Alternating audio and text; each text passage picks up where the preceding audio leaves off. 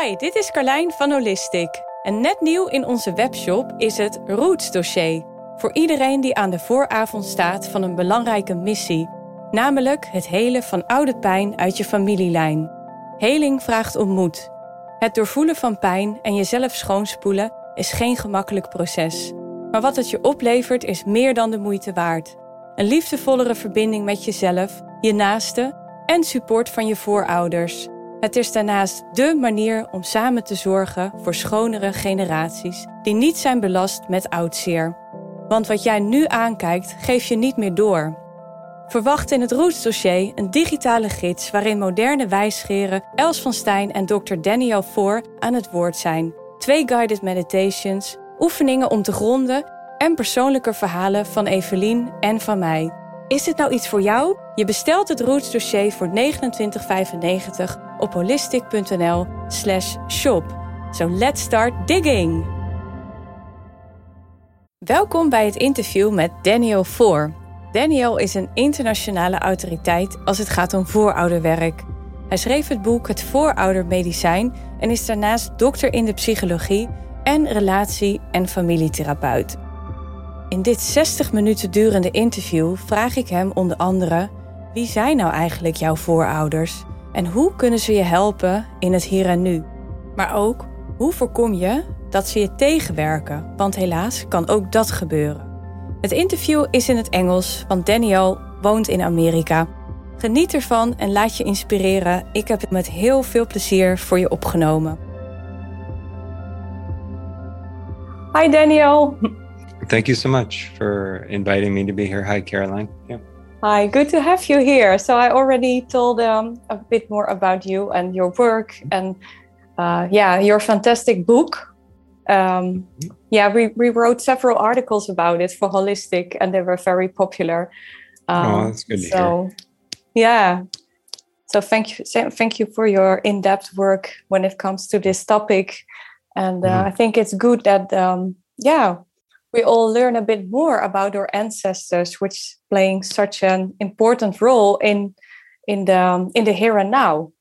Mm-hmm. And, um, well, I've I've um, read your book, so maybe it's good to start our conversation with yeah, inviting our ancestors to give a bit of guidance. And I Sure. um, I bought some uh, chocolate for them, some fruits, gluten free cookies, and uh. Yeah, so that's a good start. Great.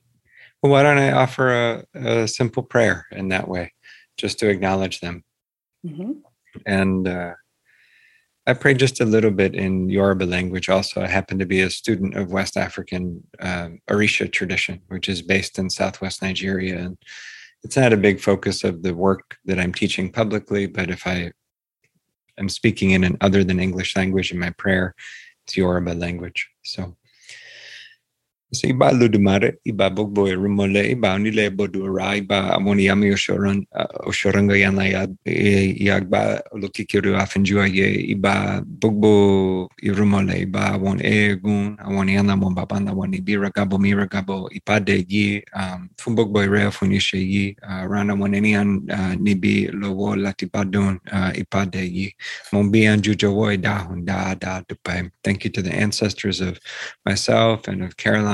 and of everybody else listening at any point to this conversation. May your wisdom and your kindness and your love and clarity come through. Help me to be a good and grounded teacher in this moment. And yeah, we just give thanks and help the folks who are listening to receive something of benefit and to move in the world with even more kindness and humility and connection. Uh, thanks to the ancestors of these lands here, traditional Cherokee lands, and to the uh, traditional lands and custodians of uh, where Caroline is at right now. Thanks so much. Thank you, Bella. Thanks, Ashe. wow, I'm impressed. So, Your language. so yeah. So Yeah. well, we go ahead. Yeah. yeah. Well, mm, yeah, maybe it's good to start with uh, the question who or what are our ancestors exactly? Yeah, yeah. Let me say a word just to situate myself a little bit more, which is um, this habit of saying a thing about our ancestors as we enter a conversation. It's a habit that a lot of people around the world have as a way to be situated or placed.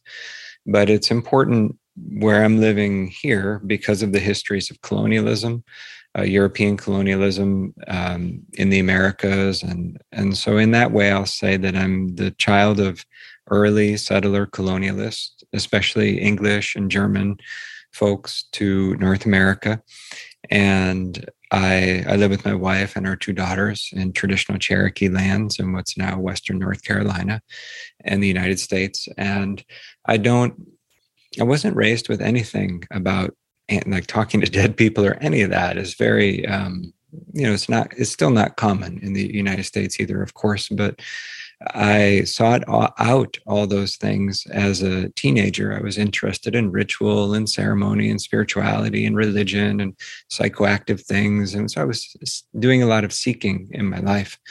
And I realized that there were other things than just humans that there are spiritual forces and powers and all kinds of things. And I had no framework for it at all. So I was fortunate to connect with teachings on shamanism and paganism. And I started to piece together a basic understanding and started to work with teachers. And I realized that there were just whole aspects of reality that my culture of origin was not preparing me to know what to do with.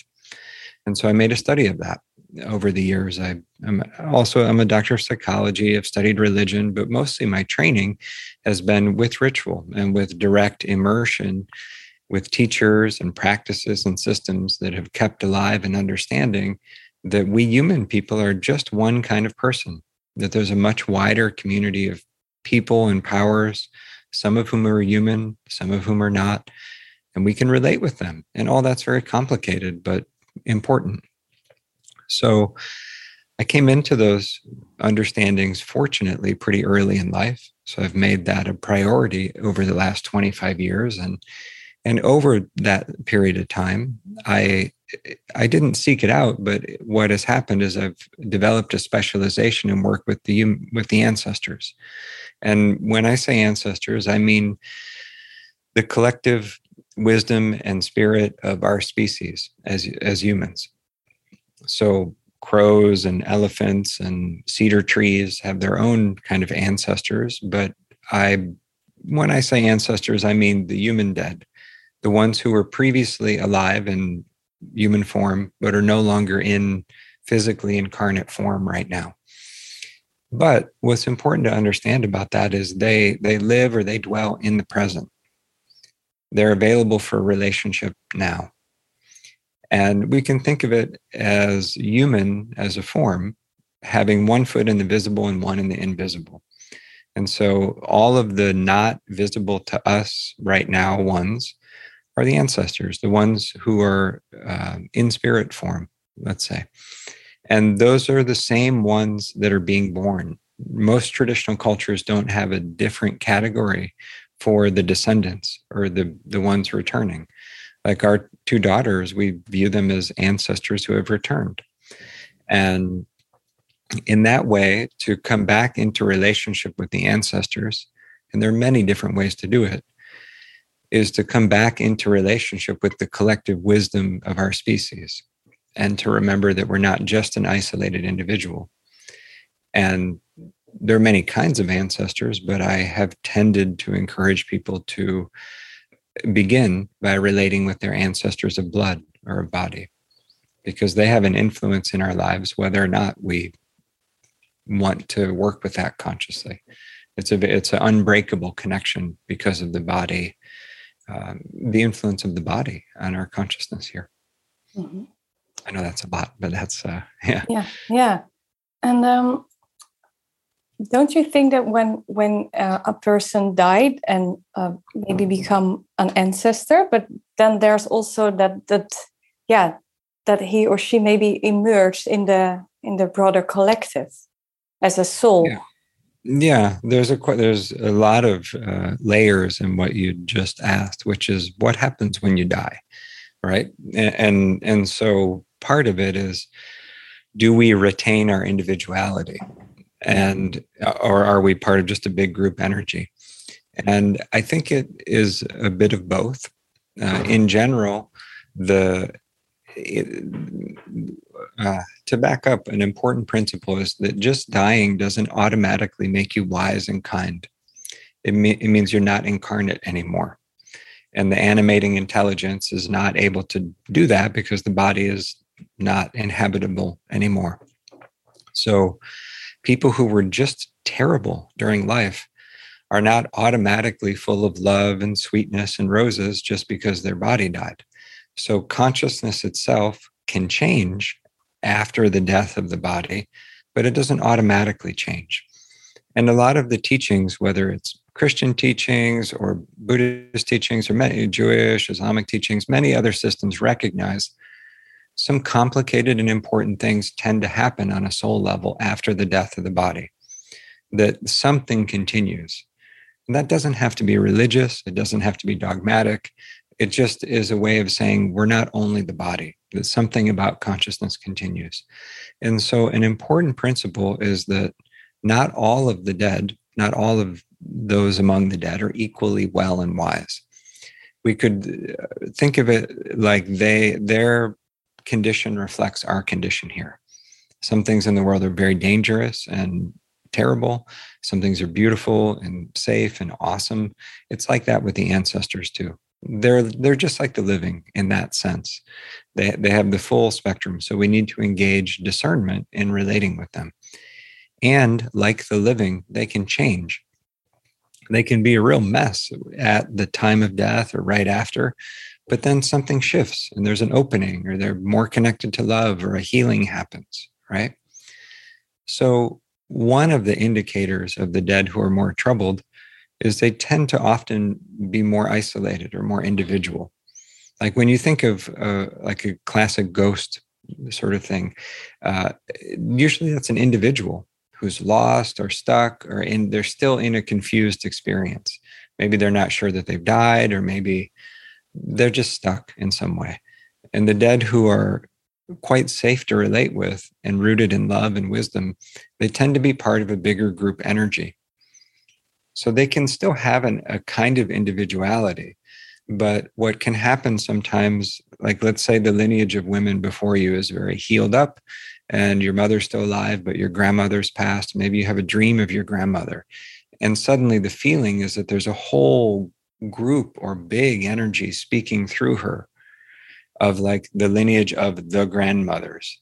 So she's both an individual and that lineage as a group energy can speak through the individual, you know, the bee, right? You can speak to the hive through the individual bee. So that the dead who are well in spirit do tend to have access to a bigger group consciousness. It's the same with the living who are well in spirit really. Yeah, I'm so curious if if they they have a sort of a psychologist uh, somewhere for the ancestors, or maybe are are we the the living ones, the the ones who can help them in? We have an important role to play, as I see it, at least. Uh, sometimes the work to bring about healing among the dead, which is good for them, and it also has a good impact for us the work to resolve things and bring healing can feel like group therapy.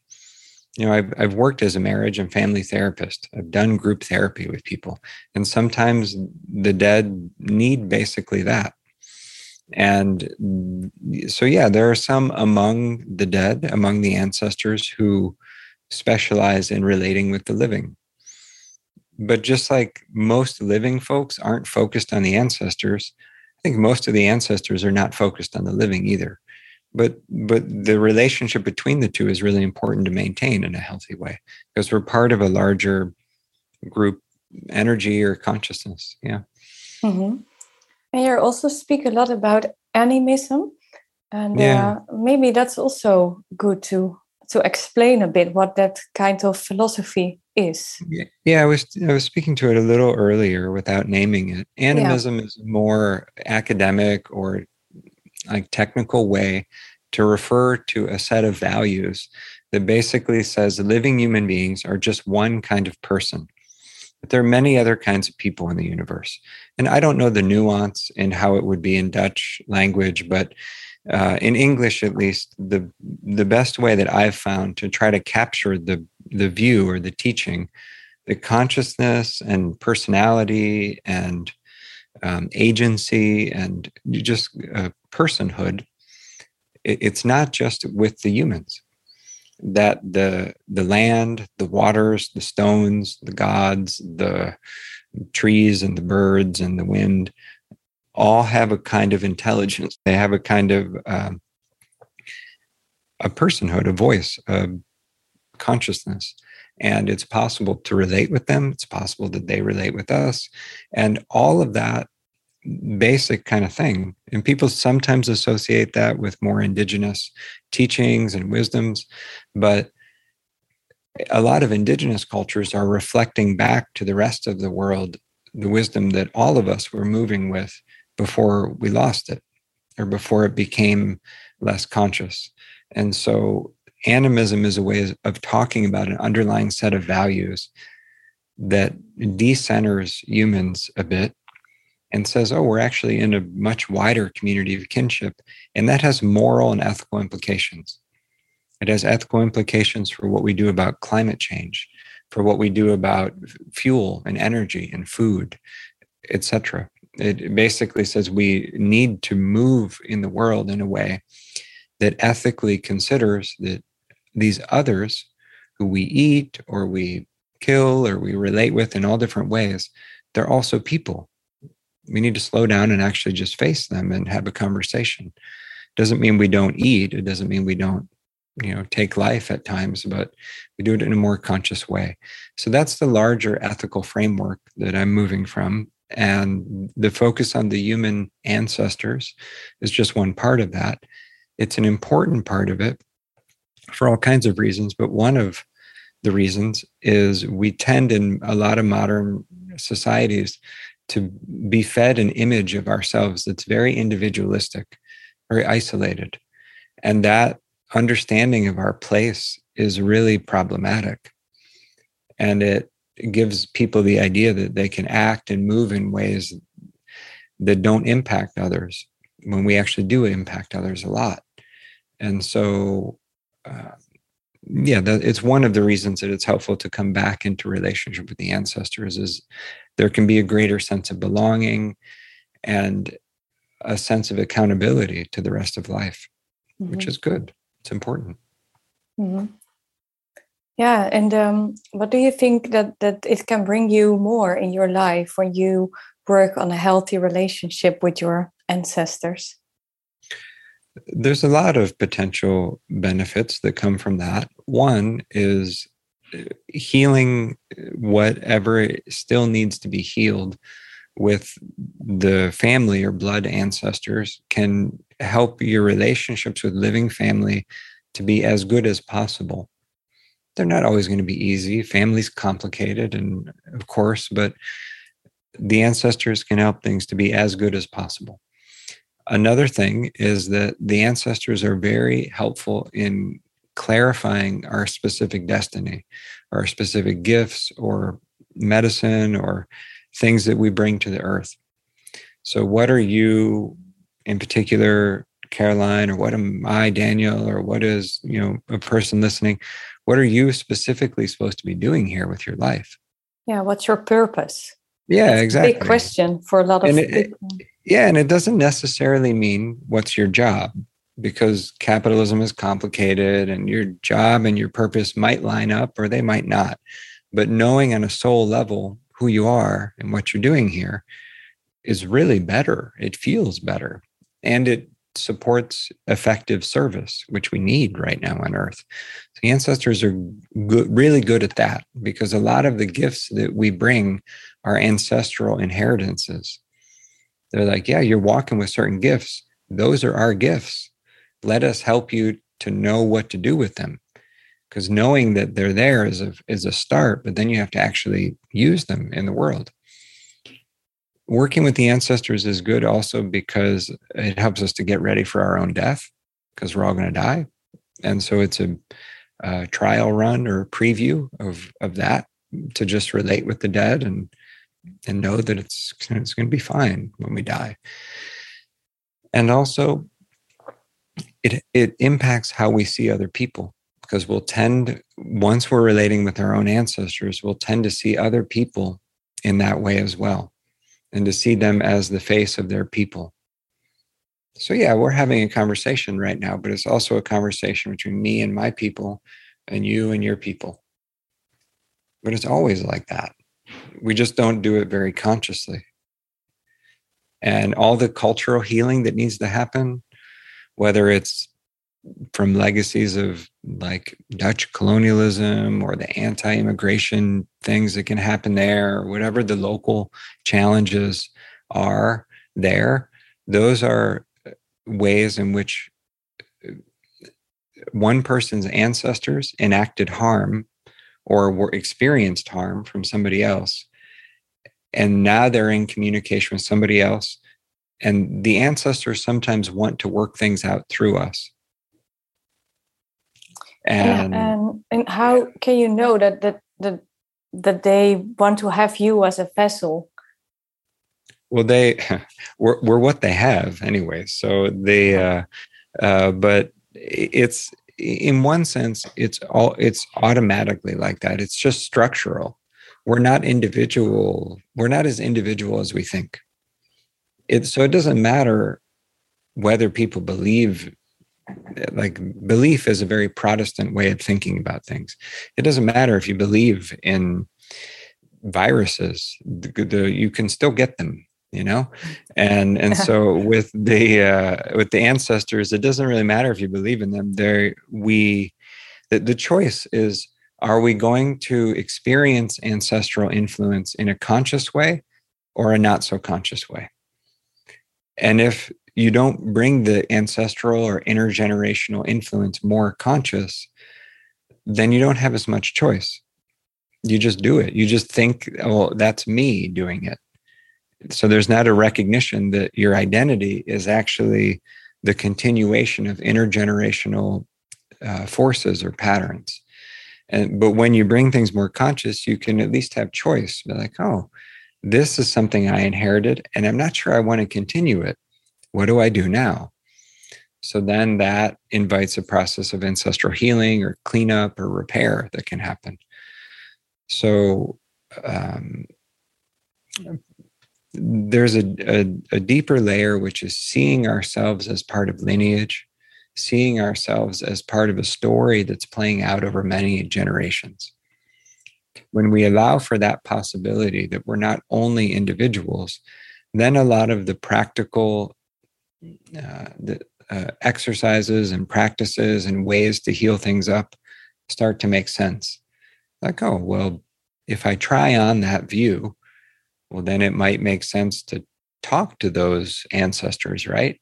Yeah, totally and and so then ancestral reconnection and communication becomes not just possible but actually it's relevant there's a need for it mm-hmm.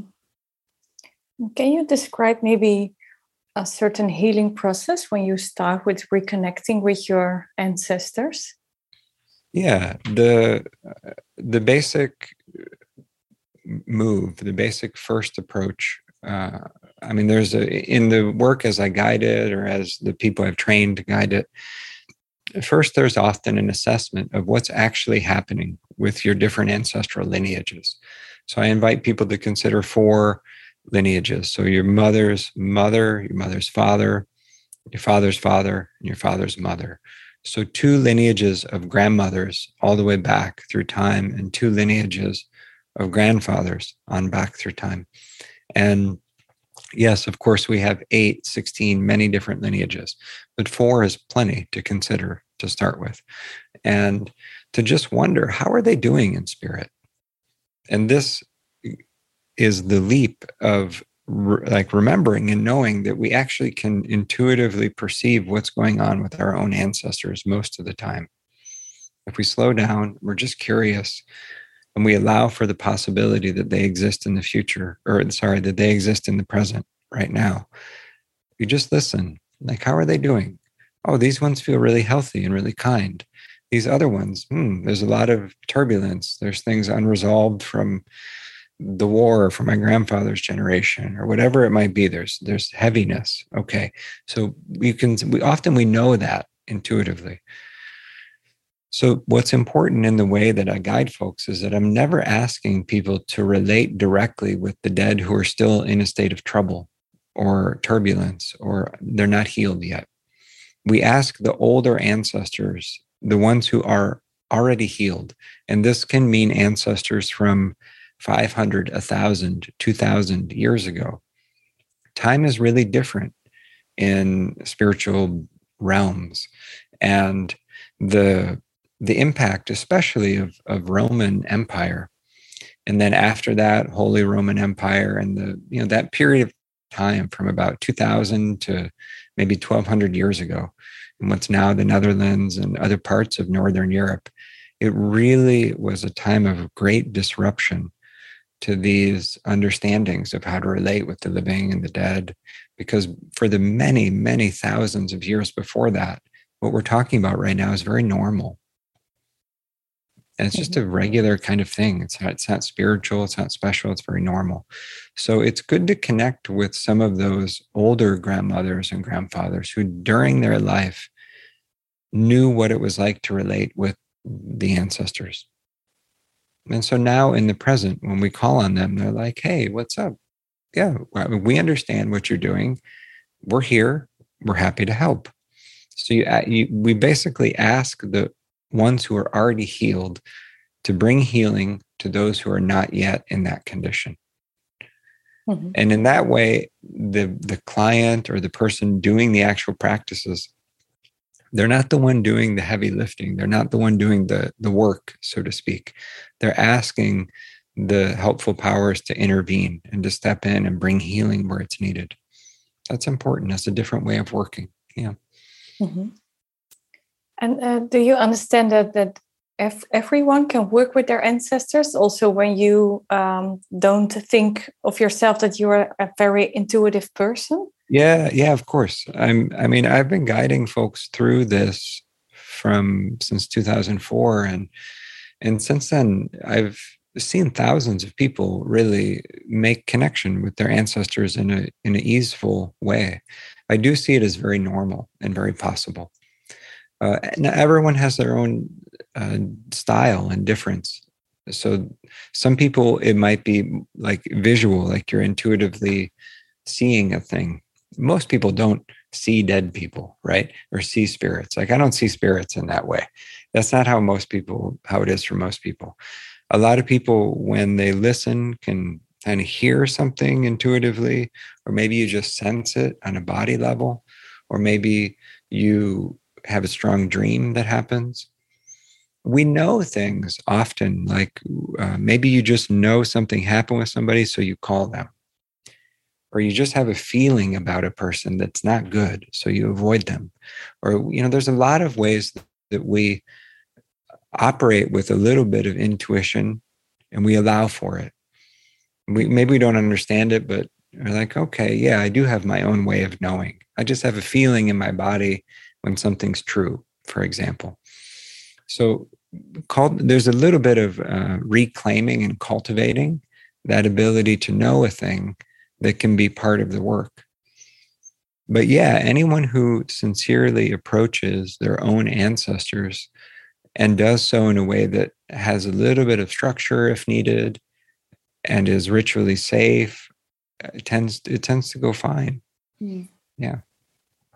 And do you have like one or two example examples from your own life when you felt really supported by your ancestors? There's so much, really. I mean, oh. my my uh, it's hard to single it out. Like the these last two weeks, I was guiding a online retreat with uh, 90 people from around the world who are training in this work, and folks from over 20 different languages, and it was just so um, beautiful and humbling to witness the healing for people and the also the pain. That there's a lot of cultural pain because of the legacies of racism and sexism and colonialism. So people of different backgrounds uh, bringing their heart and their vulnerability to the space. And just feeling the ancestors holding all of it.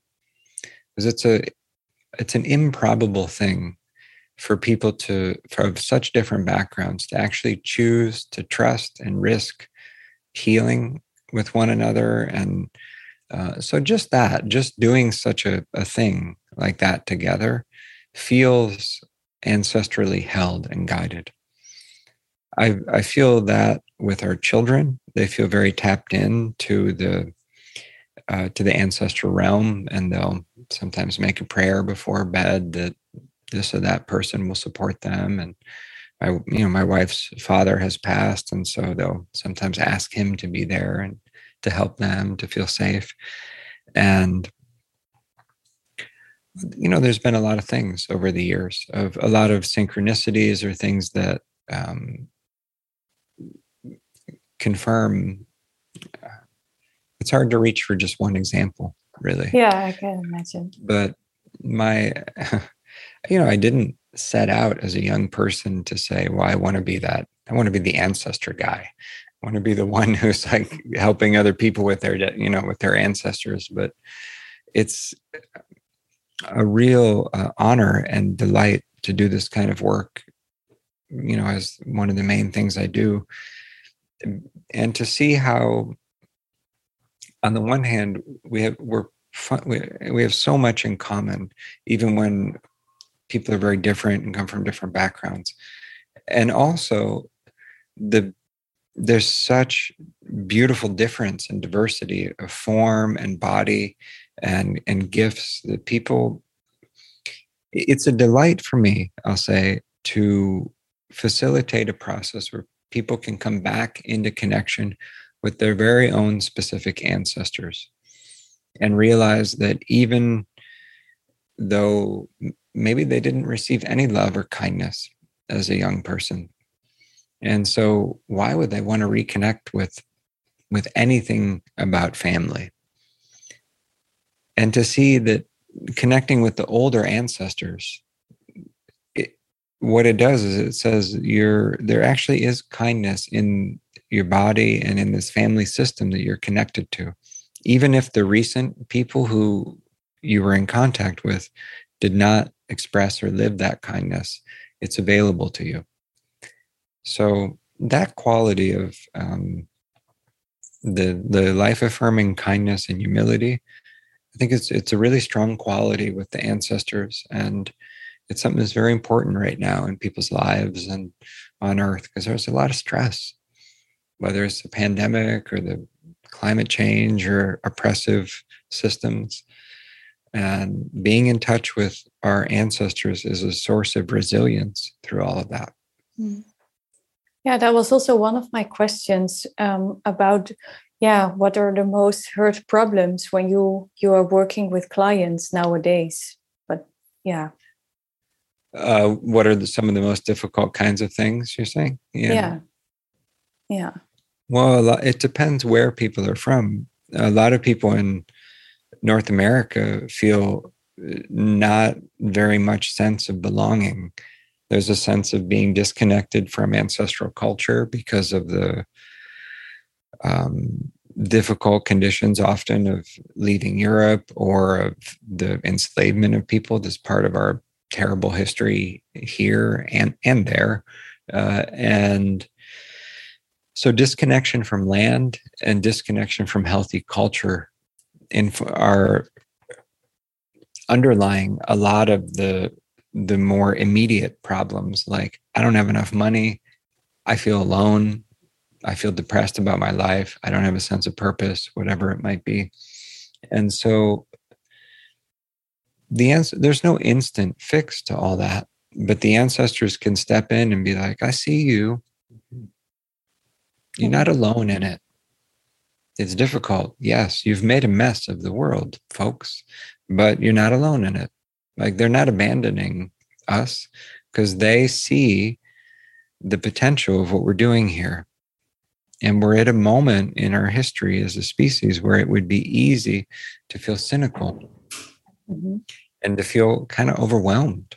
Just in the last, just since the pandemic, it seems like a, we've turned a corner into from like, oh, a lot of problems are coming into like, oh, now we're in them. Like there's not a, we don't go back to before the pandemic.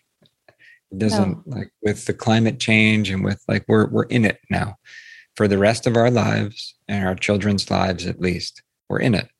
It just is. And when things are in a time of crisis, it's when our character is really forged or really defined.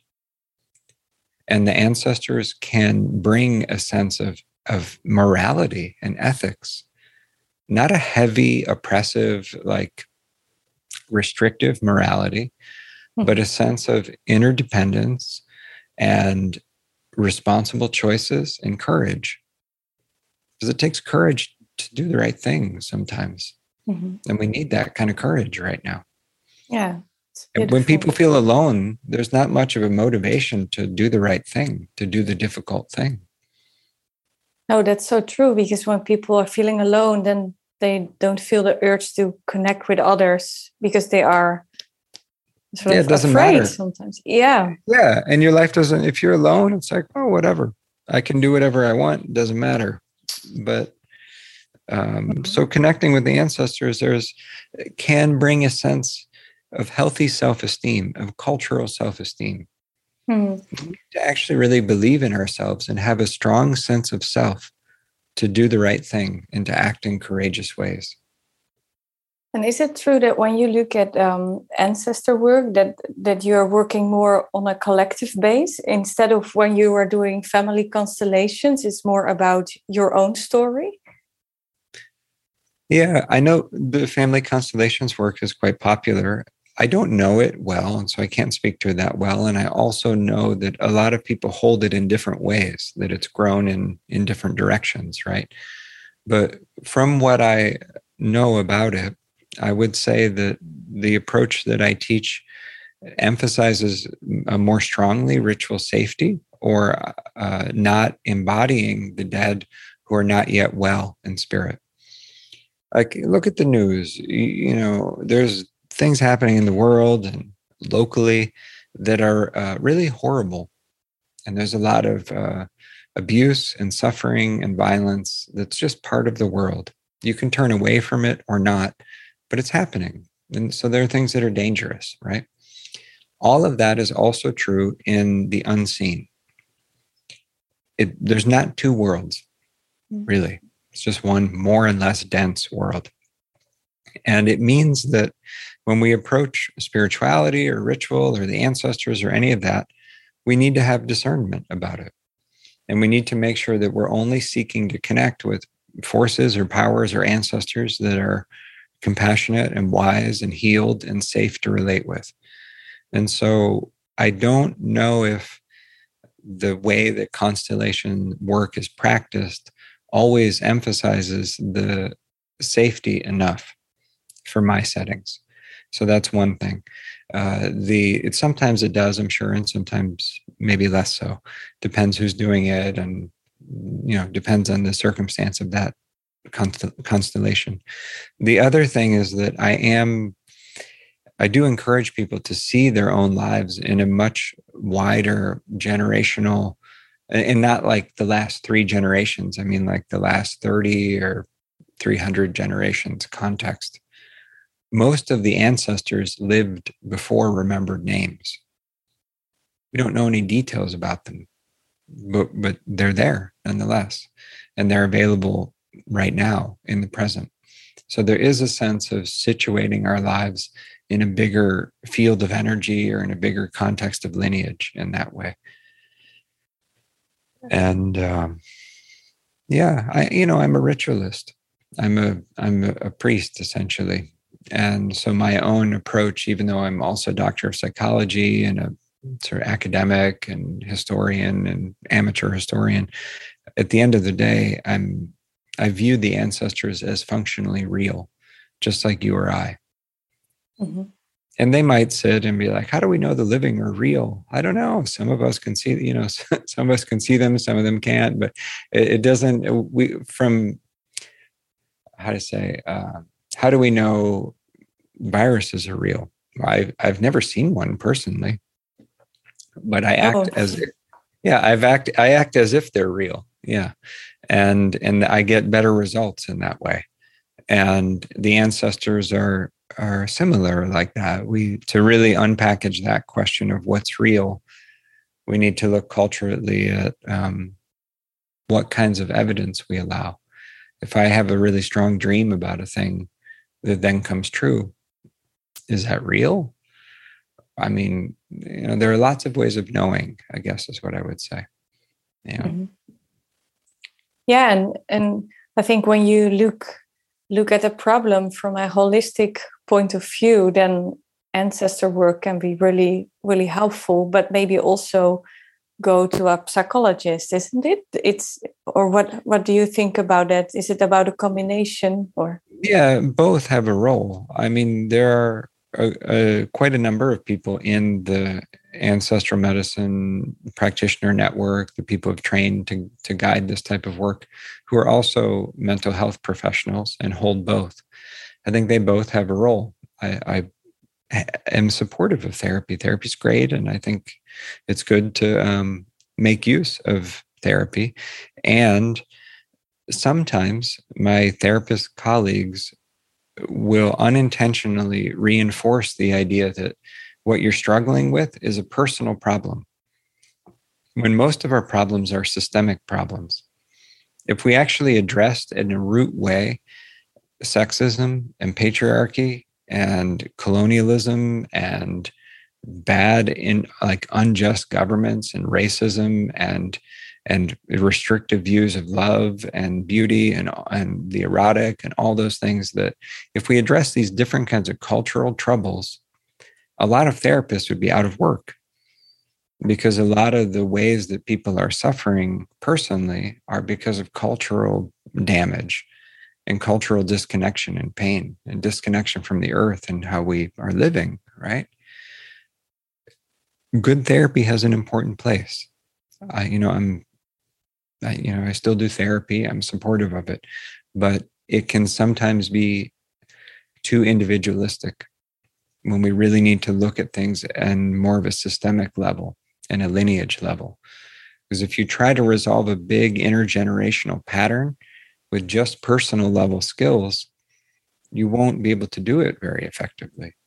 It's a bigger, uh, deeper trouble. You need collective level blessings and big medicine and and group level healing to address the the problem is really a, a deep trouble yeah. yeah it's interesting that you you are working and healing on a group level but uh, you have the benefits on an individual level as well that's right. That's how that's the approach basically. Even when folks seek out individual sessions with the practitioners and who guide this work now, the intent is to heal up what still needs healing in the lineages before a person.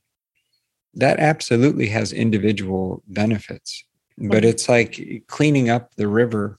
You instead of focusing on the part of the river where you're standing, and you're trying to build all these structures and containment and dams and everything around it, you go upriver and clean up the source of the pollution, and then the benefits wash down. They they translate down lineage. Mm-hmm. We're down lineage from all kinds of trouble. And if we just try to manage the impact of it in our individual life, we won't get to the root of the problem. Yeah that's so true. Yeah. And um, when you want to start with with uh, reconnecting uh, with your ancestors maybe you can give us a few yeah tools how to how to work with them. Yeah um, it's a good question. The the first thing is really to recognize that like it's very it's a simplified thing but you can kind of divide the eh, all of the ancestors you're connected to into two real simple categories. Ones that are really clearly and definitely safe and awesome and healthy to relate with those who are rooted in love and wisdom and kindness. And I don't just mean the recent generations, the older ones as well. Like the as a group energy, you're not going to have their names, but all of the ones among your people who are just radiant and instinctively really safe. And then all the other ones is the second category. And so the first thing is to basically say, may all the other ones who are still in a place of need, please just take one step back from my life right now. Like, I love you. May you have healing, but I just need a little bit of space right now. And may all those, and I don't know your names, who are really vibrant and healthy and rooted in love and able to help me, may you take one step forward. Like, let's just start from that intent. And then the other thing is to make intent to have a conscious, helpful relationship with your own ancestors, to allow it in, to say, okay, I'm not sure where this is going, but I'm open to the possibility. May they guide me on the next steps. So, setting intent, inviting those who are healed and well and able to help you to step forward and in doing that they're they're having a bit of a boundary with any who are interfering or having a not helpful influence on your life right now. So that's the first thing. And then beyond that folks could folks could reach out to a practitioner. They could you know of course they could check out the book and do practices there. Uh, and my view of this is that a little bit of help up front goes a long way. Like if you're going to learn something like scuba diving, you could teach yourself, but it's a little bit dangerous. And once you just have a lesson or a little bit of help up front, then you can do it by yourself for the rest of your life.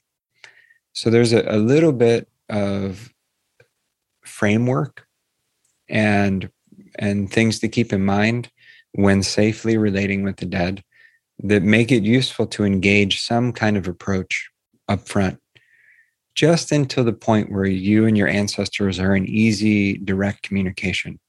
At that point, whatever, you know, whatever, you, you have the connection, you can go from there. Yeah. But those are the some of the main principles is like call the ones that can help you closer and actually let them know directly. Speak out loud to them. Say, I don't know your names. I don't know. This is weird. I'm not used to it but I'm going to try it on. I'm open to the possibility of being in relationship with you more consciously. Let's do it. And then you kind of just listen to what happens in your life after that. Stay open and, you know, maybe take some steps around it. But um, that goes a long way to communicate to them your openness. Yeah, maybe it's a it's a five year plan or something. It depends. Like it seems how to say uh, we have a, a, funny mistaken idea sometimes that we should just know this stuff. Like my dad i love him and he at times when i was growing up is like well you thought i should kind of just know about cars because i'm a guy. I'm like i don't know about cars. I don't even care about them or whatever. So there's a sense of i'm just supposed to know this stuff. And we think sometimes that we're just supposed to know how to navigate relationships with the ancestors.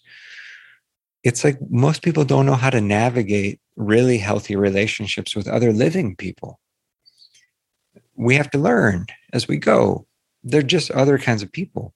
And we maybe we do some therapy, we read some books, we have some life lessons, we have good friends, but gradually, you know, we learn some stuff along the way, hopefully it goes more efficiently if we allow in help. That's what good therapy does. That's what good friends are. And it's the same with the ancestors. There's a a little bit of learning up front goes a long way. I mean, we can improvise, but it's more efficient to allow in a little bit of help. Yeah. And that was why I wrote the book because I and the book is full of practices. It's not like a poetic appeal to people to relate to their ancestors. It's like, here's how you do it step by step. And that, uh, the intent in that is to make basic um, accessible practices widely available yeah and, and it's um it's about practices which you've learned during your training uh, when you were with the shamans it, some of the practices come out of my experience with ritual, and some of them are informed by my experience with psychology, but a lot of them are just coming out of my own process of reconnection. And in that way, uh, the the the work of ancestral reconnection is not something that's easy to find, even if you go to the most remote indigenous community and work with the shaman or the healer, they don't have a ritual for what you do when you break your culture because they didn't break their culture. Mm-hmm. And so some of the kinds of practices, like what's in the book, are practices to make a repair when it's needed, when there's an intergenerational pattern of not being in relationship with the ancestors. How do you come back into relationship safely? When there's a backlog uh, or unpaid debts, there's a, a, backup of, of pain and of sorrow that hasn't been felt and it hasn't been addressed. How do you safely come back into that mess when you know that your people didn't, maybe they didn't live very well in the last few generations? So you don't have a good opinion of your blood ancestors. So what do you do then? Yeah, that's it. Those are important questions. Yeah, and, and is it uh, true that when you start working with your ancestors um, to prevent that you are getting contact with a wandering ghost, that, that you really need your your intuition? Is that is that the base of the practice? Actually, your intuition. Yeah, I would say that it's it's important. Mm, what to say when people do like a session with a practitioner in this work the practitioner is not presuming to communicate with your ancestors for you. They wouldn't be like, okay, Caroline, this your grandmother tells me to tell you this. It's not that. That's a different kind of practice. That's not what I teach. It's fine. It's just a different thing. It's like mediumship.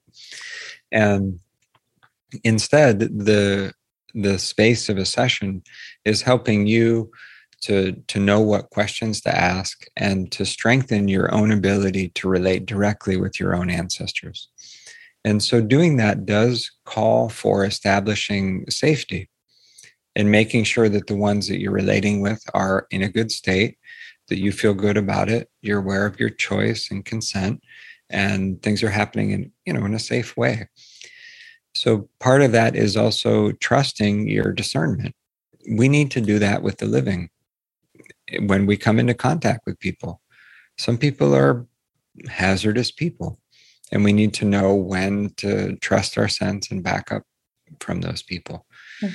So, yeah, intuition is a big part of it. And also just having a framework to uh, sort of ask the right questions.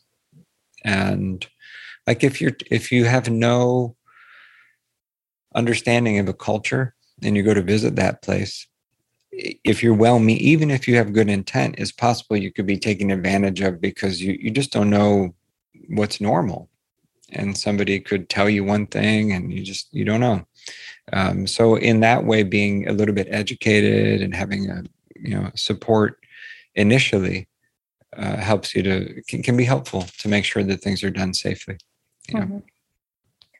well i've actually two more questions because we're almost out of time but um, sure yeah what does your personal ancestral medicine look look like on a daily base?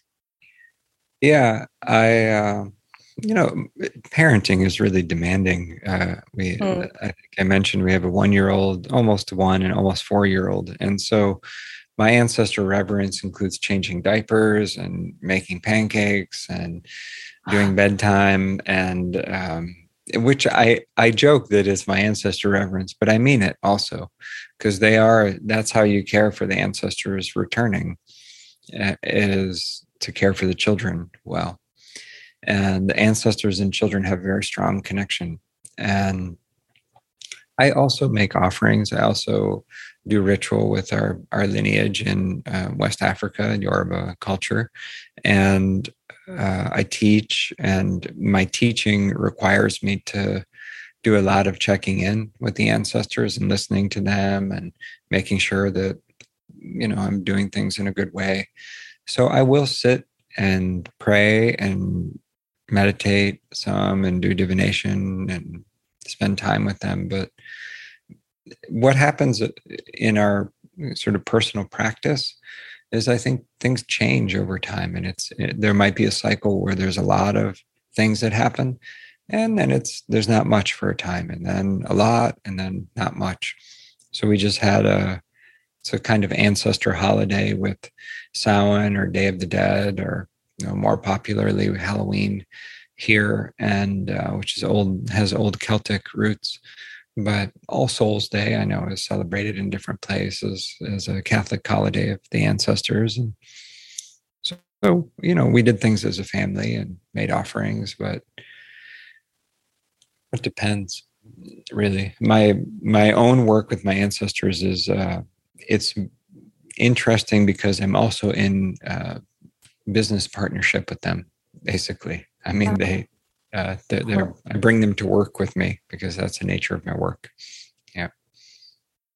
Yeah. Yeah. That's interesting. Yeah. And, uh, yeah, I saw some beautiful pictures from um, from uh, offerings. Uh, it's called mm-hmm. a despacho, and um, maybe you can tell a bit more about that. Is that something that people can do at home, or what would you uh, recommend? Yeah, of course. Uh, it's great and traditional and encouraged to make offerings, especially to your wise and loving and kind ancestors. It's a different kind of practice to ritually feed the dead who are suffering. And I don't recommend it unless you know how to do that safely. So you can feed your wise and kind ancestors and ask them to bring care to those who are suffering if you want. But offering practice is very uh, common and traditional. The particular offerings that I sometimes craft are inspired by my contact years ago with a South American Andean practice called the despacho. It's from despachar to send in Spanish or to, yeah, like you would send an offering. But um, the practice eh, has become so embellished and more detail oriented. It's not necessarily representative of how that tradition is practiced in the Andes. So, respect to the traditional custodians of that practice, but it is an inspiration for how those fancy offerings uh, are made. And it's, it's just a personal style thing with those, really. And I find that the spirits respond well to beauty. And so, if you can make something that feels beautiful to you and comes with sincerity and includes prayers, then you'll tend to get their attention in a nice way. Hmm. Yeah, it looks like uh, pieces of art. Yeah. But they are. Yeah. And last question, but I think a lot of, uh, yeah, of our listeners that want to know that what can you do when um, a loved one is dying and how can you help that person to become a wise ancestor instead of yeah a wandering yeah. ghost where you talk about yeah it's a good question um, the there are there are layers of how much to help but one in addition to honoring your own grief and trying to resolve anything that needs resolved with them before they die and being loving and in, in addition to all the psychologically good things to do which matter and they're important you can also ask that the helpful ancestors of that person who's dying step forward to receive them and help them to transition in a good way because that's who receives us ideally at least when we die. And if there's disturbance or things that still need healing in the lineages before that person and you share those lineages with that person then you're in a position where you could do that healing on their behalf because it helps you as well. Like if a parent's dying or a grandparent or even a sibling or a child, you can make sure that the lineages that come before them are really in a healed condition if they're not already. And that's the focus of the you know the work itself that we're referencing that really clears the way for them to be received easily by the ones before them mm. but in you know a short thing to do that's always possible is to just envision them being their best self envision them on a soul level being courageous and loving and ready to go when it's their time and being received by helpful powers to make the journey mm. Well, yeah. thank you. And um, when people want to know more about you or want to do a training with you, maybe yeah, you can give us the information. Yeah, it, yeah. the website ancestralmedicine.org. So T R A L ancestralmedicine.org is where to find all the information about the online courses and the the training program and and the directory of practitioners who guide sessions which uh, include there's uh, one uh, Dutch speaker who's in training now and another who offers sessions in Dutch and so if if any of your uh, listeners or folks tuning in feel more comfortable uh, engaging the work in Dutch that's also an option so yeah so we, we can find um her details or his details on your website. That's right. Yeah. Yeah. Yeah. yeah. Fantastic. Yeah. Well, thank you so much for this interview and conversation. Yeah. thanks, Caroline. It's good, and thanks to uh, to your people, to the ancestors for making it possible. Yeah, definitely. Yeah, and um, or is there something uh, that you want to mention which I forgot, or no, I, I, well, I guess as the last thing, I would just say to people, um, don't view all this as even a spiritual topic. It's just a regular life thing. It's very normal to relate with the dead. You mm-hmm. don't need to have a certain religion or a certain identity or to make a big deal out of it. It's actually a really normal thing. It's unusual and abnormal to shut down those relationships because they're they're just uh, they're a natural recognition that we're part of this much larger web or net of consciousness and kinship. Mm-hmm. So if the if things have already been happening for you, contact with the dead, it's fine. It's normal. It's not a big deal. See if there's anything you need to do about it. Or if you're curious about it, then just take a step toward it. It's it's very accessible and it doesn't have to be a big deal, really.